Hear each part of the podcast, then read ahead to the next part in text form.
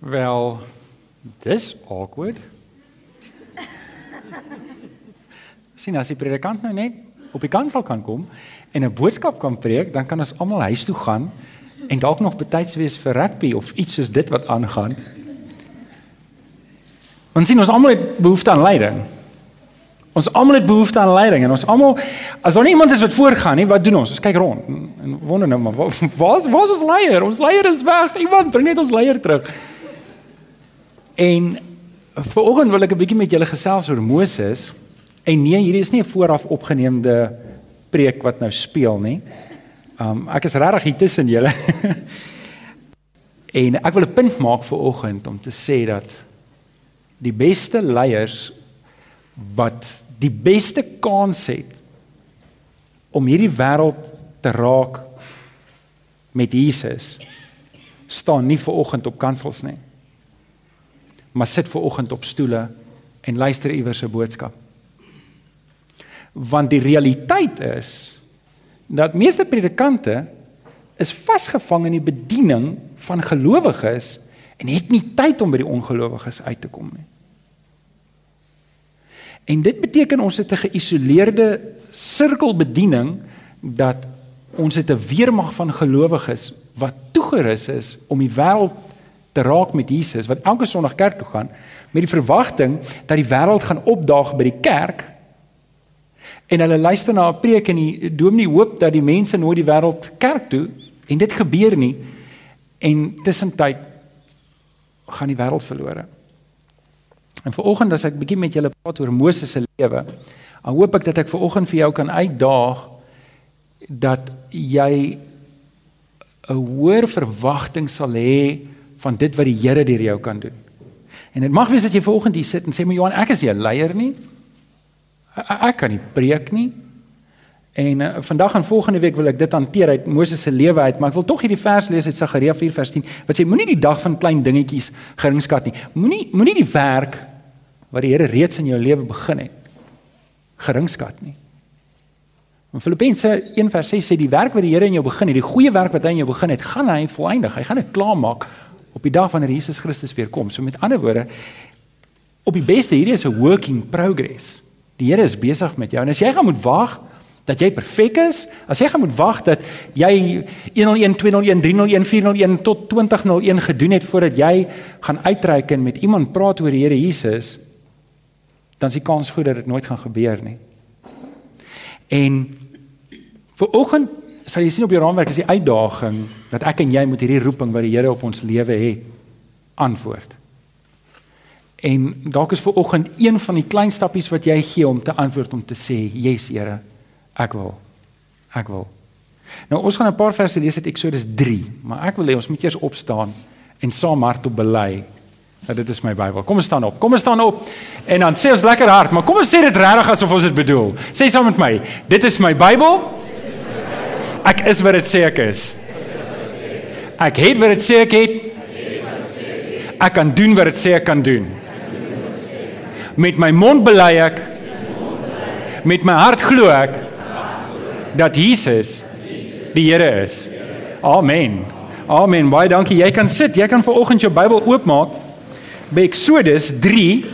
Exodus 3 en ons gaan saam lees vanaf vers 1. Exodus 3 vanaf vers 1. Ek het net so 'n kans dat jy daarby kan uitkom. Exodus 3 vanaf vers 1. As jy weet, as jy nie weet waar Exodus nie, dis voor Openbaring maar na Genesis. Uh Kom ons lees saam. Moses het die kleinvee van sy skoonpa Jethro, 'n priester van Midian, opgepas. Hy het die klein vee diep die woestyn ingejaag totdat hy by Horeb, die berg van God, gekom het. Toe verskyn die engel van die Here aan hom in 'n vlam binne in 'n doringbos. Terwyl hy kyk, sien hy dat die doringbos aanhou brand, maar nie uitbrand nie. En Moses sê vir homself: Ek wil tog 'n bietjie nader gaan om hierdie wonderlike verskynsel te bekyk. Waarom brand die doringbos dan nie uit nie? Toe die Here sien dat hy nader kom om te kyk, roep God na hom uit. Moses, Moses. En hy antwoord: Hier is ek. Die Here sê toe vir hom: Moenie nog nader kom nie. Trek uit jou skoene, want die plek waarop jy staan is gewyde grond. Verder sê hy: Ek is die God van jou voorvaders, die God van Abraham, die God van Isak, die God van Jakob. Toe maak Moses sy gesig toe, want hy was bang om na God te kyk. Daarna sê die Here: Ek het die ellende van my volk in Egipte duidelik gesien en hulle noodkrete oor die slawedrywers gehoor. Ek het hulle lyding ter harte geneem. Daarom het ek afgekom om hulle uit die mag van Egipte te bevry en om hulle daarvandaan te laat trek na 'n goeie en uitgestrekte land, 'n land wat oorloop van melk en honing. Dit is die land van die Kanaaniete, Hetiete, Homeriete, Feresiete, Jewiete en Jebusiete. Die noodkrete van die Israeliete het my bereik en ek het ook aanskou hoe Egipte hulle verdruk. Daarom stuur ek jou na die Farao toe sodat jy my volk, die Israeliete, uit Egipte kan bevry. Amen. Dankie Rupert. Geef vir Rupert 'n lekker hande klap toe. Nou moet ek nou netjies bely. Jy kan nie glo gespanne is ek toe ek daar sit nie. Ek bewe omtrent. Dis snaaks as jy net 'n bietjie uit jou gemaksone is hoe ongemaklik jy kan voel. Nou ons ons ons het ons het op die mannekamp het ons 'n bietjie gekyk na Moses en terwyl ek deur dit werk het die het die notas my eintlik so aangegryp ek gedog ek wil dit ek wil dit hiernatoe ook bring. Nou as jy by die mannekamp was, ek het nuwe goed bygesit. As jy nie by die mannekamp was nie, dan wil ek jou volgende jaar by die mannekamp sien. OK? Ehm um, maar nou kom ons kom by Moses. Ons tema vir oggend is antwoord God se roeping vir jou lewe en die hele gedagte van Moses se roeping wil ek vasmaak vir oggend by almal van ons. Nou terwyl ons dit doen is wil ek dalk net 'n paar vinnige feite gee oor Moses. Chris as jy reg is daarso. So wie was Moses? Ek wil jou vra om die hele storie te gaan lees in Eksodus gaan lees die hele storie daar, gaan lees sommer die hele Exodus en dan kry jy die hele die hele konteks. Ek kan dit ongelukkig nie alles doen nie. Ek wil ook net 'n paar vinnige feite met jou deel dat jy daarmee 'n idee het wie was Moses. So Moses was gebore in 1273 om en by voor Christus. Soos die kruis het ons is nou na Christus 1273 voor Christus en hy's gebore in die Goshen streek aan die ooste delta van die Nyl. Nou, as ek sê as ek sê as ek sê Egipte, dan dink jy aan Arabiere met lappe om hulle kop en kamele wat deur die woestyn trek. Is dit jou eerste prentjie ook? Want dit is my eerste prentjie ook. Maar dis nie presies waar hulle was nie. As jy net vir ons die eerste fotootjie kan, kan opgooi, dis min of meer hoe dit lyk in die Goshen streek wat vir my eintlik baie baie aantreklik lyk. Lyk dit vir julle ook um aantreklik. Dit lyk nie so dor en droog nie. Ek het vir julle 'n satellietfoto van hoe dit vandag daar lyk ook geneem. Chris, as jy net vir ons die volgende foto kan vat. Dis baie groen aan die ooste delta van die Nylrivier. Baie vrugbare grond. Hulle hulle het 'n gesofistikeerde stelsel wat hulle water uit die Nyl uit en ons baie goeie boerderye daar. Um en ons kan nou nie in daai stats ingaan nie, maar sodat julle net weet, hulle het eintlik op goeie plek gebly. Hulle het op 'n redelike goeie grond gebly. Dit was nie so dor en so droog soos wat ons altyd dink nie. Moses was 40 jaar oud. Julle sal onthou Kinders, julle onthou, Moses se ma het hom in 'n mandjie gesit met pik gesmeer en op die Nylrivier gegee en die krokodille het, het het nie naby hom gekom nie. Ek weet nie eens of daar krokodille is in die Nylrivier nie, maar hulle het nie naby Moses gekom nie. En Farao se dogter het gaan bad en sy het hierdie babatjie gekry en sy het hom teruggegee vir Moses se ma om groot te maak. Ons het op die mannekamp tot die konklusie gekom tot omtrent so 12 jaar oud en um, toe het Farao se dogter Moses aangeneem. Sy het ook Moses se naam gegee want dit beteken uit die water uitgehaal. So, maar toe kom Moses op 'n stadium, hy slaat 'n Egiptenaar dood. Ons gaan nou nou meer daarvan praat en in sy hart neem hy toe besluit. Hy identifiseer as 'n Hebreër, nie as 'n Egiptenaar nie. En hy was omtrent 40 jaar oud toe hy 'n die Egiptenaar doodgeslaan het en in die woestyn ingevlug het. En hy was vir 40 jaar in die woestyn voordat hy sy roeping by die Here gekry het. So met ander woorde, hy was 80 jaar oud toe hy sy roeping by die Here gekry het. Ek wil net gou kyk, wie is tussen die ouderdom 80 en 90? Steek net gou op die hande. Wie is tussen die ouderdom van 80 en 90? O, Jodien. Vra nie of jy so voel nie. Ek vra Okay, tannie aanhou. Mag ek vra hoe oud is Tannie? 82. Is daar nog iemand wat in die 80s is? Nog iemand? Going, going. Ag gee vir Tannie Anna 'n lekker hande klap toe. O, Tannie Jocelyn.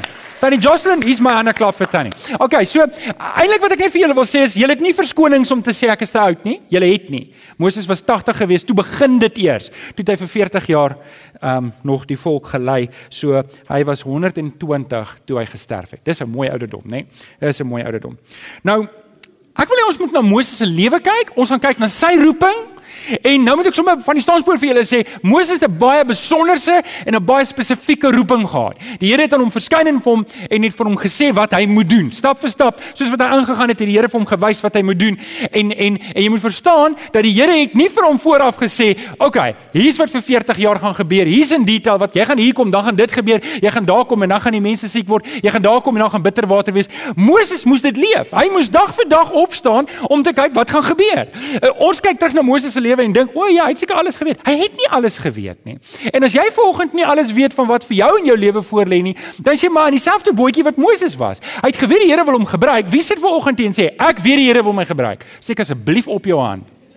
Want jy weet dit nou. Okay, want die Here wil jou gebruik en maar ek gaan nie vanoggend praat oor die besonderse of die spesifieke roeping wat die Here op party mense se lewens sit nie, want ek dink die Here doen dit. Die die Here roep, die Here roep mense baie keer vandag nog vir 'n spesifieke taak om iets te gaan doen. En nou kan ek julle gou-gou 'n bietjie teleurstel. Ek het nie 'n visioen gekry wat vir my gesê het ek moet 'n predikant word nie. Ek het nie 'n visioen gekry wat vir my gesê het ek moet Kaap toe kom nie. Om die waarheid te sê, toe die roeping wat ek beleef het op my lewe was ons was besig om skaak te speel en terwyl ons skaak speel toe sê die een toe begin een ou vra net wat gaan jy word? Wat gaan jy word? Nou ek sê ek wil 'n predikant word. En hy sê jy kan nie 'n predikant word nie. Jy moet geroep word om 'n predikant te wees. En ek is ontstel want hoe kry jy nou 'n roeping? Dis mos iets wat jy agter elke bos uit jy weet uh, jy jy weet dis 'n moeilike ding om te kry. En ek het dit onthou ek het gebid en gesê Here ek beleef ek het 'n roeping op my hart om vir u te werk en ek wil vir u werk en ek het dit toe gaan doen En hier staan ek vandag. Ek kan nou terugkyk en vir julle baie maklik sê, jene die Here het 'n roeping op my lewe gehad, maar ek het dit nie die heeltyd geweet nie en en ek wil jou bemoedig daardeur. Want weet jy wat, daar's twee kante van hierdie roeping. Daar's 'n spesifieke roeping, maar daar's 'n algemene roeping.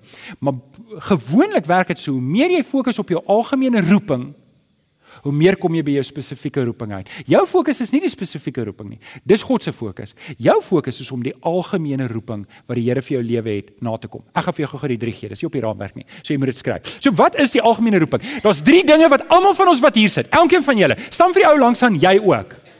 Jy ook. Jy almal van julle wat hier sit is geroep tot drie spesifieke dinge en niemand van ons wat hier sit kan sê ja maar ek is nie geroep daarvoor nie. Nommer 1 en dit is redding. Almal van ons word geroep tot redding. In Romeine 1 vers 6 staan daar ook julle is geroep om aan Jesus Christus te behoort. Met ander woorde, die Here roep elkeen van ons wat vanoggend hier sit. As jy nie 'n lewende verhouding het met die Here Jesus nie, help dit nie as jy luister verder nie. Jy moet begin hier en jy moet sê ek moet 'n oorgawe maak aan die Here Jesus. Ek moet die Here Jesus aanneem as my verlosser en saligmaker. Ons gaan nou verder daaroor praat. Dis die eerste roeping wat almal van ons het. As jy daai roeping geantwoord het, kan jy aangaan na die tweede roeping. Die tweede roeping is die roep tot 'n heilige lewe. 1 Tessalonisense 4 vers 7 sê God het nie ons geroep om ons seerlik te lewe nie, maar om heilig te lewe. Elkeen van ons wat hier sit is geroep om heilig te lewe. En om heilig te lewe beteken om myself te reinig van die wêreld. Ek kan nie dinge doen soos wat die wêreld dit doen nie. Die Here verwag van my meer as wat hy van ander mense verwag. Wie van julle sit hier so en sê ek het die eerste roeping geantwoord? Ek is 'n kind van die Here. Sê amen. Amen. Wel, dan het jy 'n tweede roeping en dis om heilig te lewe. Ek weet nie hoe om dit anders is om te sê doen jy sonde? Wel laat staan dit. Iemand sê tog net amen daar. OK, die Here verwag dit van ons. Dis 'n roeping tot 'n heilige lewe. Die derde roeping wat ons het is 'n roeping tot disippelskap. In Matteus 28 vers 19 lees ons dit gaan na al die nasies toe maak hulle my disippels. Daar's twee kante van hierdie saak. Eerstens roep die Here jou om 'n disipel te word. Dit beteken ek en jy moet aanmeld om gedisipel te word. Ek moet my aanmeld by die gemeenskap van die gelowiges en ek moet doelbewus my omring met mense wat lief is vir die Here, wat hulle langer pad, die geestelike vaders in die omgewing om te sê leer my. En om dit reg te kry, moet ek hierdie vlees kruisig. Ek moet dit doen want ek gaan nie luister na iemand anders as hierdie vlees dit kan help nie. Kan julle kan julle getuig daarvan? OK. Maar aan 'n ander kant ook. Want hier sit 'n paar ouens van julle wat al jare die Here dien. En jy het ook 'n roeping en dit is om te dissipuleer. Met ander woorde, jy moet hier opstaan en jy moet dalk oorweeg om 'n Bybelstudieleier te word. Jy moet dalk oorweeg om om te help en om langs my te kom staan om te kom sê, "Johan, die Here het my geroep. Ek stem saam. Ek wil saam met jou werk. Ons moet disippels maak." Dis die twee kante. OK, so almal van ons het daai drie roepings. Stem julle saam? Enige iemand wat nie saamstem nie, moenie jou hand opsteek nie. Kom praat met my na die tyd. OK? Almal van ons is geroep vir hierdie drie goed. En ouens, as ek en jy net fokus op hierdie drie goed, ek is geroep tot redding, is ek gered? Ja. Streef ek na heiligheid? Ja. Gaan ek deel wees van die disippelskap proses in die program? Ja, ek gaan. En ek fokus op daai drie goed. Dan gaan jy sien oor 20 of 30 jaar, dan antwoord jy 'n groot roeping vir jou lewe sonder dat jy dit nagejaag het want die Here lei jou want jy is daar waar jy kan lei gelei word verstaan julle so met ander woorde vanoggend wil ek jou vrymaak moenie 'n groot ding in jou lewe probeer jaag asof jy in die woestyn ingaan en 'n brandende bos gaan soek nie het Moses die brandende bos gesoek of het God vir Moses gesoek Wat is 'n belangrike vraag hierdie en jy moet dit kan antwoord want ek wil nie hê julle moet almal môre Egipte toe gaan en brandende bosse gaan soek nie. OK? Jy fokus op wat jy weet die Here wil hê jy moet doen en die Here sal jou lei waar jy wil hê. Hy het dit gedoen met Moses. Het Moses net wilder die wildernis ingetrek of het die Here hom gelei? Die Here het hom gelei. Hoe het hom gelei? Rookkolom en 'n vuurkolom. Onthou jy dit? Al wat jy doen is jy fokus op wat jy weet die Here wil hê jy moet doen en die Here sal vir jou die ander goeters laat uitwerk. OK, so vier fases van Moses se roeping. Ek ons gaan nou kyk na Moses se lewe en dan gaan ons elke keer iets uithaal wat op ons van toepassing was. O is fase 1 Ek wil hê jy moet op 'n hakkie skryf in hakkies geboorte wedergeboorte. Het jy hom daar Chris? Chris kan jy hom net vir ons wys daarso. Jy moet dit so skryf. OK. Sit die weder in in hakkies net, wedergeboorte. Want sien, Moses was gebore. Ons lees in Eksodus 2 vers 1 tot 2. 'n Man uit die stam Levi was met 'n Levitiese meisie getroud. Die vrou het swanger geword en 'n seentjie in die wêreld gebring. Nou ons lees dat dat dat Moses is gebore uit die stam van Levi. Wat beteken hy was 'n leviet? Nou vir julle beteken dit dalk nou nie baie nie, maar in daai tyd het dit baie beteken. Okay, net vir julle vinnig sê, Jakob het 12 seuns gehad en dit het die 12 stamme geword van Israel. Is julle by? Een van hulle, een van die seuns was Levi. En almal wat uit Levi uitgekom het, het ons wat ken ons as die leviete. Die leviete toe hulle in die beloofde land gekom het, het nie grond gekry nie. Het julle dit geweet? Hulle het nie grond gekry nie. Hulle het gesê hulle moes tempeldiens word, hulle moes in die tempeldiens doen en hulle moes by die tabernakeldiens doen. Hulle mag nie grond besit het nie. Hulle taak was om te werk vir die Here. So, dit was 'n baie spesiale roeping. En hoekom hoe vertel ek julle dit? Want sien, elkeen van ons wat hier sit is iewers gebore. Weet jy hoe weet ek dit? Want jy sit hier. Almal van ons is gebore en ehm um, dit maak saak waar jy gebore is. Luister ouens, jy het geen beheer oor jou geboorte gehad nie. Niks nie. Ek hoop nie dis vir jou nuus nie. Of jy wit, swart, bruin, groen, grys, pink, maak nie saak nie. Jy het geen beheer oor gehad nie. Of jy Afrikaans, Engels, Chinees, Duits, Grieks, jy het geen beheer daaroor gehad nie. Die Here het beheer oor daag gehad. En wanneer ek in die spieël kyk en ek sien myself, dan moet ek vir myself sê, ek is gebore waar ek gebore is omdat die Here dit so bepaal het. In Psalm 139 vers 13 sê: U het my gevorm, my aan mekaar gewewe in die skoot van my moeder. So, weet jy wat? Die feit dat jy gebore is waar jy gebore is, bepaal baie van jou lewe. Jy het geweet. As jy jy jy was gebore waarskynlik in 'n huis. Ek weet nie waar jou ma en pa dalk lief was vir mekaar, dalk nie, ek weet nie. Waar meeste van julle was waarskynlik jou laerskoolloopbaan klaar gemaak. Meeste van julle het dalk julle hoërskoolloopbaan ook klaar gemaak. Ek weet daar was 'n moeilike tyd wat 'n paar byvoorbeeld my pa het in standaard 6 toe sê sy pa vir hom nou is jy oud genoeg, jy moet gaan werk. En hy het uit nie hoërskool klaar gemaak nie. Dit mag dalk jy wees. Jou ouer huis het dit bepaal waar jy gebore was. Maar baie van julle wat hier sit, het dalk selfs 'n sertifikaat of 'n diploma of 'n graad of 'n selfs 'n dokter doktoraal of 'n meesters agter jou naam. En dit was alles die geleenthede wat jy gekry het. Ek wil net gou-gou ietsie vir julle wys. Ek wil die die die drie armste lande in hierdie wêreld, as jy reg hiervoor. As jy wil kan jy dit neerskryf as jy hou van sulke goed. Burundi is die armste land in die wêreld. OK? Die tweede ene is die CAR, die Central African Republic, as die tweede armste en die derde is die Democratic Republic van die Kongo. Nou dis uit 190 lande van armste tot die rykste. Ek gaan nie al 190 vir julle lees nie, okay. Ek wil 'n ander punt maak. Wil julle raai waar's Suid-Afrika? 91ste. Met ander woorde, eintlik is ons in die middelrond. Ons is in die middelrond. Zimbabwe is 27ste, ek het gedink julle sal dalk wonder. Kom ons fokus net gou op Burundi. Wil jy nie net vir my 'n kaart wys nie? Burundi kan jy nie eers nou sien daar nie. sien jy daar so 'n rooi stuk? Onder die rooi stuk is daar net so oranje stukkie en dis Burundi. Armste land in die wêreld. 65% van die mense daar sê hulle is Christene. Maar 5% van die mense wat daar bly glo soos wat ek en jy glo. Hulle glo in wedergeboorte, hulle glo om die Here aan te neem, hulle glo om voluit te lewe. 5% van die mense wat daar bly, gaan hulle na dieselfde hemel toe as ons. Gaan hulle na dieselfde hemel toe as ons. OK. Nou, ek wil jou gou vra, dis iets wat ek wil hê moet in jou onderbewussyn hou die hele tyd. Sê vir my, het jy enigiets daarmee te doen gehad dat jy in Suid-Afrika gebore is? wat wat wat as jy in Burundi gebore gewees het en jy was deel van daai arm arm arm mense.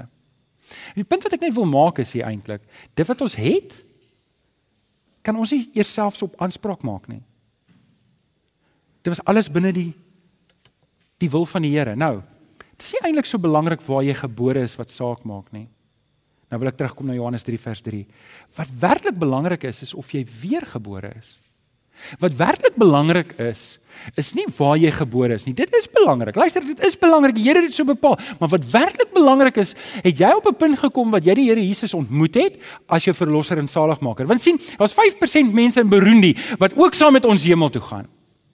Maar weet julle, ek dink daar's baie mense wat die skyn het dat hulle kinders van die Here is, maar hulle is nie werklik weergebore nie. Ons ons is lief daarvoor om te sê ja, maar ek is gebore in 'n Christelike huis. Julle die feit dat ek gebore is in 'n Christelike huis maak my nie 'n Christen nie, hoor. Dis 'n fabel.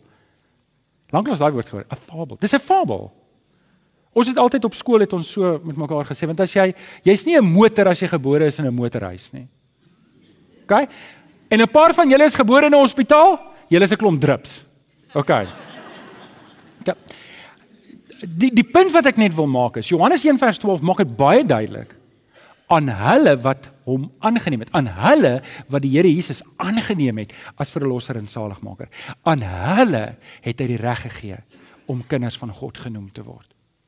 En vriende, as jy ver oggend hier sit en jy het nog nie die Here Jesus aangeneem as jou verlosser en saligmaker nie, dan wil ek jou vra om eers daai roepstem te antwoord. En as jy as jy dit nog nie gedoen het nie, daar agter by Chris, jy sal sien Chris gaan daar agter wees. Hy het so 'n klompie van hierdie boekies. Ek wil jou vra om om regtig, moet moet dit nie uitstel nie. Gaan werk hierdie boekie gaan werk hier dit aandagtig. Lees die verse 3 of 4 keer daarin, bid daaroor en maak seker jy is weergebore. Maak seker jy is werklik 'n kind van die Here sodat ons mekaar in die hemel kan sien. So dis die eerste fase. Die eerste fase van my roeping is weergeboorte. Nommer 2. Die tweede fase wat ons sien in in Moses se lewe is sy opleiding. Is sy opleiding. Eksodus 2 vers 10 sê toe hy oud genoeg was, het sy hom na die dogter van die farao toe gebring wat hom as haar eie seun aangeneem het. Sy het hom Moses genoem want het sy gesê ek het hom ons uit die water uitgehaal. Nou vriende, Moses het waarskynlik die beste, maar beste, maar beste opleiding gekry wat daar beskikbaar was in die bekende wêreld daai tyd. Weet met ander woorde, ek weet nou nie wat die beste um universiteit is in die wêreld op hierdie stadium nie. Kom ons sê Oxford of Harvard of waar ook al, weet hy was op daai klas van wêreld gewees. Onthou as as die farao se dogter hom aangeneem het. Daai woord aanneem beteken om groot te maak soos my eie. Hy was groot gemaak asof hy 'n prins gaan wees, asof hy by die farao sou oorneem. En wat 'n mens lees, Moses het baie gesag gehad en dit dit lyk vir my baie invloed gehad en hy het vinnig uit uit vinnig opgegaan dalk want dis wat al die Here se kinders gedoen het wanneer hulle dink aan Daniël byvoorbeeld. En en en hier is hy, hy het al hierdie opleiding en nou kom ons terug na Burundi. Nou het ons nou nog gepraat van Burundi. Sê gou-gou vir my, was dit iets wat hy gedoen het?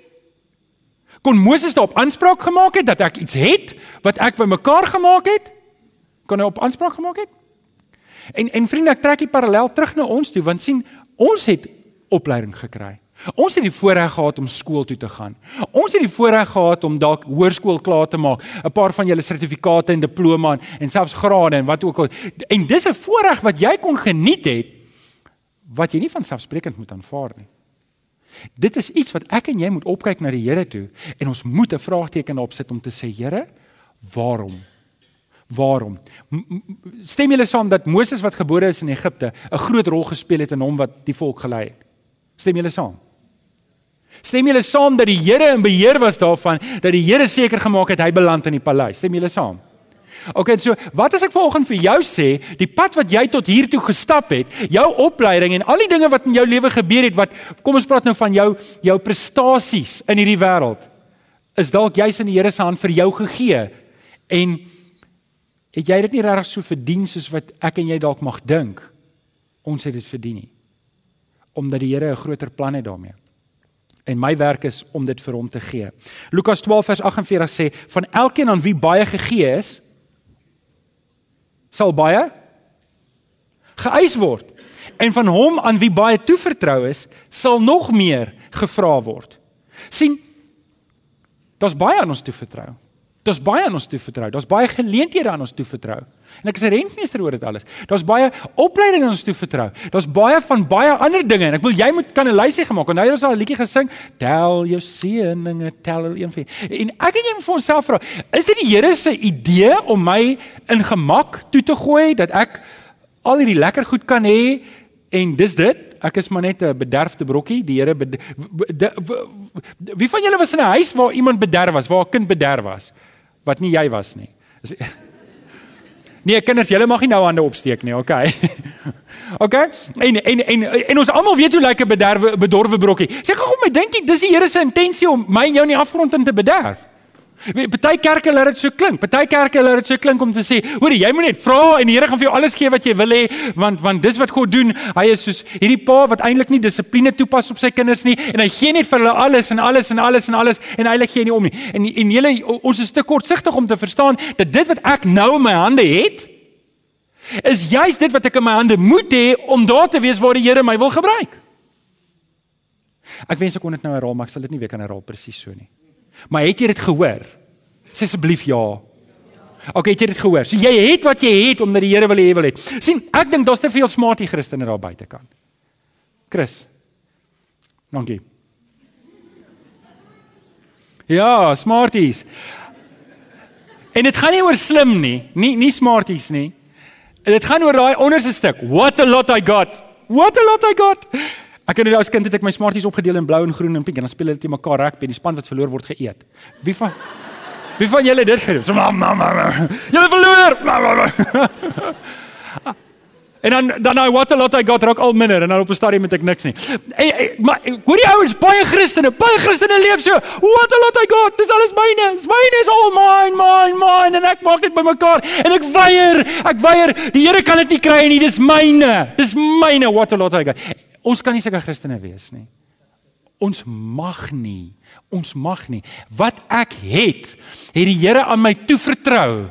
sien, weet julle hoekom kry ons baie what a lot I got smarty Christene? Weet julle hoekom kry ons dit? Want ons lewe vir hierdie wêreld sonder die wete dat daar 'n groter prentjie is dat ons is net tydelik hier op die aarde en wat ek hier doen maak saak wat ek agterlaat. Die ou die ou gesegde sê 'n doodspak het nie sakke nie. Julle al gehoor? Ek weet nie of dit waar is nie. Ek wil ook nie nou uitvind nie. Maar die intensie daarvan is jy kan niks insit en saamvat nie. Jy kan niks saamvat nie. En en vriende en dis ek wil net weer die punt duidelik maak. Ek moet 'n vraagteken sit. Hoekom het ek wat ek het? Het die Here nie juis 'n groter plan met dit wat ek het as om net te dink, "O, oh, maar kyk hoe mooi bederf die Here my nie." Die tweede fase is die opleiding. Maar ek wil die opleiding verder vat en ek ek weet nie of die vers op jou raamwerk is nie. As hy nie is, jy skryf 1 Petrus 2 vers 2 by. Want sien die opleiding, ek dink baie van ons is goed opgelei. Ons word opgelei, ons word gestuur vir kursusse, ons gaan nagraadse studies en dit is mooi. Ouens, ons moet onsself toerus weet om die beste te wees wat ons is in ons werke en ek wil nie teen dit praat nie. Maar ouens, ons moet onsself toerus in die woord van die Here. Ons moet ons toerus. Paulus uh, Petrus sê in 1 Petrus 2 vers 2, soos pasgebore kindertjies smag na melk, moet julle smag na die suiwer geestelike melk sodat julle daardeur op op kan groei en saligheid kan verkry. Hebreërs skrywer sê as hy op 'n stadium sê ek wil met julle praat soos volwassenes, maar ek moes julle nog melk gee. Julle kon nie na die vaste kos toe aangaan nie. Met ander woorde, wanneer ons die woord doen en ek laat my oplei deur die woord, dan in die begin drink ek die melk uit die woord uit, maar later dan begin ek die vaste kos eet sodat die Here my kan gebruik. sien jy ons is nou terug by daai derde roeping, daai derde roeping van om te sê die Here roep my tot disippelskap. Eerste moet ek gedissiplineer word. Met ander woorde, ek moet ek moet 'n ouer Christen, iemand wat nie nie in ouderdom nie, maar maar in in volwassenheid moet ek saam met myself vat. Ek moet sy hand kan vat, haar hand kan vat en kan sê leer my Ek wil ek wil weet wat sê die woord en dan soos ek aangaan, kan ek aangaan na die vaste kos toe en soos ek aangaan, kom ek op 'n plek wat my opleiding inskop en waar ek ander mense kan begin oplei. En dalk sit jy hier so en sê, "Johan, maar ek sal nooit in my lewe voor 'n groep mense kan staan nie." Maar jy hoef nie. Jy hoef nie. Weet julle, ek glo in my hart, meeste disippelskap in hierdie gemeente vind plaas 1 tot 1. Dis waar dit plaas vind 1 tot 1. Ons wat in mekaar skouers skuur, ons wat met mekaar praat en mekaar uitdaag en sê, "Hey man, weet kom ons kyk na die woord." Ek dink nie dit gebeur van hier af nie. Ek dink dit gebeur daar. Ek dink dit gebeur daar. Daar's baie daar's baie klem op daai kant, nie op hierdie kant nie. Dis die tweede fase. Die derde fase is foute en vervolging. Foute en vervolging. Nou okay, vriende, ek gaan nou 'n stuk lees en dit mag wees dat jy dink en sê nee man, Johan, dit was nie 'n fout gewees nie, dit moes so wees en jy's reg, dit moes so wees. Maar hou net 'n bietjie vas. Ek gaan dit nou verduidelik. Eksodus 2 vers 11 tot 12 lees ons. Toe Moses al 'n volwasse man was, en hy was so in die 40s, het hy op 'n keer na sy eie mense toe gegaan en gesien dat hulle dwangarbeid verrig. Hy sien toe een van sy eie mense, 'n Hebreër, deur die Egiptenaar geslaan word. Nou stop net gou-gou daarso. Ons nou by vers 11, ons nou vers 12 wees. So sit jouself nou in Moses se skoene. So jy's nou die hele tyd daar in die woestyn, hulle waai jou met palmtakke en jy eet van platterborde af uitjies en rosientjies en wat is hierdie Susati stokkietjies met die suuruitjies is te lekker daai goed, nê? Nee? En en nou loop jy daar en daar's nie aircon daai tyd gewees nie, so hulle waai jou maar die hele tyd soos jy loop. En en op 'n stadium het hy 'n hinkering in sy hart. Hy moes iets daar gaan doen het. Hoekom is hy daar? Want dit pla vir hom. Hierdie mense wat so swaar kry pla vir hom en hy gaan loop daar. En hy sien 'n Egiptenaar wat een van die Hebreërs slaan. En nou lees ons verder.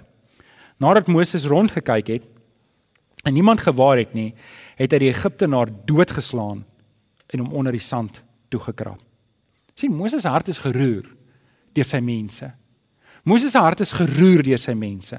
Hierdie was 'n waterskeidingsoomblik vir Moses gewees. Sien Moses Moses het eintlik daar toe hy daai Egiptenaar doodgeslaan het. Onthou nou net, nê? En nou bespiegel ek saam met julle. Moses was hoog opgewees. Daai Egiptenaar wat dalk daar tussen die Hebreërs was, dit was die leef onder die broodklein Egiptenaars gewees. Verstaan jy? Dit was die gewone. Hulle het nie hulle hoë profiel Egiptenaars ondergesit om die Jode op te pas nie. Ja, ja, ja. Dit was hulle laag besoldigde Egiptenaars gewees. Weet jy as hy Egiptenaar doodgeslaan het en het hom daar begrawe en hy gaan na Farao toe en sê, "O ja, ek het 'n man doodgeslaan." Dink julle dit sou regtig iets gewees het? Moses moet dit nou nie weet doen nie, man. Ons het die ouens nodig daar. OK? Maar in Moses se hart het iets gebeur. In Moses se hart het sy identiteit verander en hy gesê, "Ek sien myself nie meer as 'n Egiptenaar nie. Ek sien myself as 'n Hebreër." En dit maak toe dat hy vlug. Nou, nou. Fout of dan nie 'n fout nie. Ek weet jy sit baie van ons ver oggend hier wat foute gemaak het. Jy het foute gemaak jy het opgemors en en nou is dinge stikkend. En jy doen presies wat Moses gedoen het. Jy vlug die woestyn in. En vir 40 jaar is Moses net in die woestyn. Nou oké, okay, die Here met hom gewerk daar? Ja, want baie keer vlug ons weg van die Here af reguit in die Here in vas. Het jy het jy al dit oorgekom? Dat jy dink, nou Here, gaan ek wegkruip. Ek kry te skaam en dan en dan as jy jouself kry, jy maar net weer by die Here want dis hoe die Here werk. OK, maar dit mag wees dat jy volgende hier sit en jy het regtig groot foute begaan in jou lewe. En jou goed is stikkend en jy en jy weet nie hoe om daarmee te maak nie. En ek wil jou vanoggend sê, moenie goed stikkend los nie, man. Moenie moenie 40 jaar wag nie. Weet jy, ek het baie kinders van die Here gesien wat hierdie verskoning het. Ek is nog nie daar nie. Dis ouens, die koninkryk van die Here moet uitgebrei word. Mense gaan verlore, maar ek is nou ek is nou 'n vlugteling geestelik. Ek kan net nie nou vir die Here werk nie. En intussen gaan mense verlore. Intussen het ons 'n weermag en die helfte van die bataljon het nie opgedaag nie want hulle is nog net nie daar nie. Jy kan hoor ek praat teen dit, nê. En ek wil vir jou volgende vra. Hoorie man, is dit nie al tyd om daai goed te deel mee nie? Het jy foute gemaak? Wat ek vir jou reg gesê, deel daarmee. Liewer gouer as later, hou nou op om dit onder die mat in soos wat hy nou met die Egiptenaar gemaak het, daar 'n bietjie vlak grafte. Hou op om jou probleme en jou foute te begrawe en man or woman up, Christian up en sê, "Oké, okay, weet jy wat? Dit was 'n blaps. Ek is jammer. Here, help vir my. Hier is hierdie gemors. Kom ons maak dit reg." Hoe langer jy uitstel om dit reg te maak, hoe moeiliker raak dit om uit te stel. Ag om dit reg te maak. Hoe langer jy dit uitstel, hoe moeiliker raak dit om reg te maak. Hoe langer jy dit uitstel om reg te maak, hoe gemakliker word jy daarin en hoe dit is soos wat dit is. Al dit beleef? OK. Twee twee gedagtes. Het jy al 'n fout gemaak? Ek het net vir jou gesê deel daarmee. Maar weet jy daar's 'n paar van ons mense ook wat 'n lekker perfekte lewe leef weet eh, jy het 'n goeie opvoeding gehad, jou ma en pa was soliede kinders van die Here. Hulle het jou grootgemaak in die woord van die Here en nou kry jy jouself in 'n plek wat jy geen blapse gemaak nie. En dit maak dat as jy na iemand anders kyk en sê, "Wat 'n patetiese geval het ons hier." En en en en en en en, en jy jy kyk na mense en jy's veroordelend teenoor hulle. Moenie dit doen nie. Ouens, ons moenie dit doen nie. Ons moet as iemand 'n fout gemaak het, moet ons gereed staan om op te help. Dit is 'n teken dat jy geestelik volwasse is. Dat jy dit kan verdra wanneer iemand verkeerd gedoen het en langsom gaan staan sy hand vat om te sê kom ek help jou op. En vriende, ek wil hê ons moet so 'n gemeente bou. Dink julle nie ons moet so 'n gemeente bou nie? Wil, wil julle nie saam met my 'n gemeente wees dat as iemand 'n fout gemaak het, gaan staan ons langsom en sê hoorie, kom ek help jou op. Kom ek help jou op. Ons gaan nie bly ons lê nie in die stof nie. Ons staan op in Here. Amen. Amen. Fase 3, foute en vervolging. Bring ons by fase 4. 'n Ontmoeting met God. In Eksodus 3 vers 4 tot 5 wat Rupert ook gelees het, toe die Here sien dat hy nader kom om te kyk, roep God na hom uit die doringbos: "Moses, Moses!" En hy antwoord: "Hier is ek." Die Here sê toe vir hom: "Moenie nog nader kom nie. Trek uit jou skoene want die plek waarop jy staan is gewyde grond." Ai, julle dat ons in die Here se teenwoordigheid kan ingaan, op daai gewyde grond gaan staan. Dink julle nie dit was 'n wonderlike oomblik toe Moses in die teenwoordigheid van die Here staan en die Here sê vir hom trek uit jou skoene want die grond waarop jy staan is heilig. Moses, weet jy wat? Jy dink jy's nou in die woestyn, maar jy's nou in my teenwoordigheid. Jy dink jy's nog besig om te vlug, maar eintlik is jy nou by my en ek is by jou en ek gaan nou vir jou iets sê. Weet jy, daar's 'n soortgelyke vers in Efesiërs 1:17 en ek lees dit graag vir julle. Paulus bid vir die gemeente. Hy sê ek bid dat God van die God van ons Here Jesus Christus, die Vader, aan wie al die heerlikheid behoort, deur sy Heilige Gees aan julle wysheid sal gee om om so aan julle sal openbaar dat julle hom werklik sal ken. Hoor gou-gou mooi, dat hy homself so aan julle sal openbaar dat jy hom werklik sal ken. En ouens, dis wat ek bid. Dis wat ek bid saam met Paulus bid ek dat die Here homself so aan ons sal openbaar. Hy praat van iets wat aan die gang is. Dat ek 'n vars belewenis met die Here sal hê, 'n vars openbaring sal hê. Weet ek weet nie of julle soos ek was nie, maar as jy van die vakansie afkom, November maand as jy skooltyd en jy het jou rapport gekry, vat jy daai tas. Ek het so tas gehad en daai tyd het ons net op die een kant. Naderhand, jy weet, na na 5 jaar op hoërskool, dan loop jy so, want daai tas is mos swaar. Jy loop nou, want jy weier om twee kante, is die nerds om al twee kante dra. Jy dra hom een kant al lyk jy later dan so geknak hierdie. En dan as jy by die huis kom, vat jy daai tas nê, dan gooi hom so onder die bed in. Jy worry eers volgende jaar oor hom. En dan en dan as die skool nou begin die volgende jaar, bel jy maar, ag, bel jy maar. Roep jy maar, waar is die kosblik? En my ma het die gewoonte gehad om tamatie op die brood te sit. Tamatie op die brood. Weet jy, jy maak dit oop, dis antibiotika, hoor. Jy kan iets, jy kan daai gaan verkoop op die swartmark. En en weet julle wat? Ek ek dink baie keer, baie keer is ons laaste keer wat ons op die heilige grond was, die laaste keer wat ons in die teenwoordigheid van die Here, die laaste keer wat ons by die Here was, was maande terug en ons het lankal nie meer 'n vars openbaring van die Here nie. Ek ek hardloop nog op my ou dinge en ek kyk nog terug na die ou dinge en ek kom nie meer by die Here uit nie. En vanoggend wil ek vir jou sê saam met Moses, weet jy wat? Ek en jy moet kom na 'n vars openbaring van wie die Here Jesus is. 'n Vars openbaring van wat Christus vir my en vir jou op die kruis gedoen het. 'n Vars, weet jy, daai liedjie wat sê bring my die ou ou tyding. Weet jy wat doen dit aan my en jou net weer terug te kyk na wat die Here Jesus vir ons gedoen het en hoekom het dit vir ons gedoen dat ons kom red uit uit sonde uit, uit my kom red van myself, uit my kom red van 'n opgemorste lewe. Wie kan amen sê daarop? Amen. Uit my kom red van al hierdie dinge. En wanneer ek op my knieë staan by hom en ek sê, Here, wys vir my, wys vir my die dinge waarop dit werklik aankom. Dan skielik gebeur daar 'n ding in my hart. Skielik begin ek my geleenthede in perspektief sien.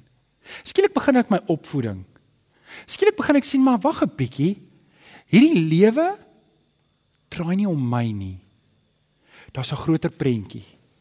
Maar ouens, ek en jy kan net dit snap wanneer ons 'n vars belewenis, 'n vars openbaring van die Here gekry het. Amen. Ek wil afsluit. Ken of julle kan maar opkom. Ek wil afsluit.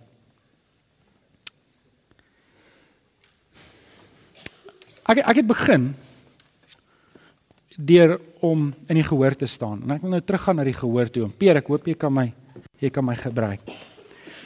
Want sien Ek dink dis te maklik om te val in die gedagte ons kom om bedien te word en ons is 'n leier maar ek het nie 'n rol om te speel nie. Dit gebeur te maklik. En ek hoop jy gaan huis toe met hierdie indruk in jou hart. Dit is eintlik nie wat daar gebeur wat die impak op die wêreld het nie. Is wat hier gebeur. En vriende, vanoggend kom vra ek jou mooi. Ek het nodig dat jy daai roeping moet antwoord in jou lewe. Die koninkryk het dit nodig. Want as jy dit nie gaan doen nie, dan gaan die kerk 'n geïsoleerde groep mense wees wat elke Sondag bymekaar kom. Ag, en dit is so lekker om by julle te wees en jene jy sien ek is hier die koffie is hier die beskuite is hier en is alles net lekker. Terwyl daar 'n wêreld is wat verlore gaan. Met en nou kom ons met al ons hang-ups hier by die kerk en dis die plek waar ons moet wees met dit, so by the way. Maar nou gaan ons aan en ons hou vas aan ons hang-ups oor al die goeders wat ons dink is belangrik en en eintlik is dit is dit irrelevant in terme van die ewigheid. Ag ek hoop sodat die Here in jou hart werk om daai uitdaging te aanvaar. Kom ons bid saam. Vader, vanoggend kom vra ons Here, kom raak ons harte aan. Here, ons kyk na Moses en Die dag toe hy hom geroep het, was hy totaal en al sonder 'n idee van wat dit behels. En vanoggend sit ons ook hier en en ons word uitgedaag om 'n roeping te antwoord wat ons nie 'n idee het presies wat dit beteken in ons lewe nie. Maar ek wil vra Here dat U in ons harte sal werk om te sê, maar ek wil hierdie roeping wat U op my lewe het aanvaar. Want ek verstaan goed dat dit nie die predikant is wat dit kan doen nie maar dis ons as gemeente, elkeen van ons. Dis ek wat dit moet doen.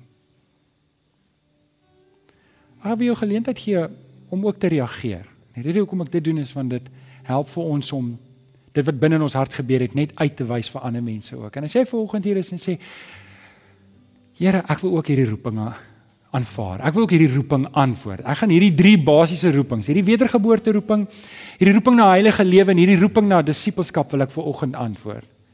Dan wil ek jou kans gee om op te staan en te sê Here, hier is ek, gebruik my.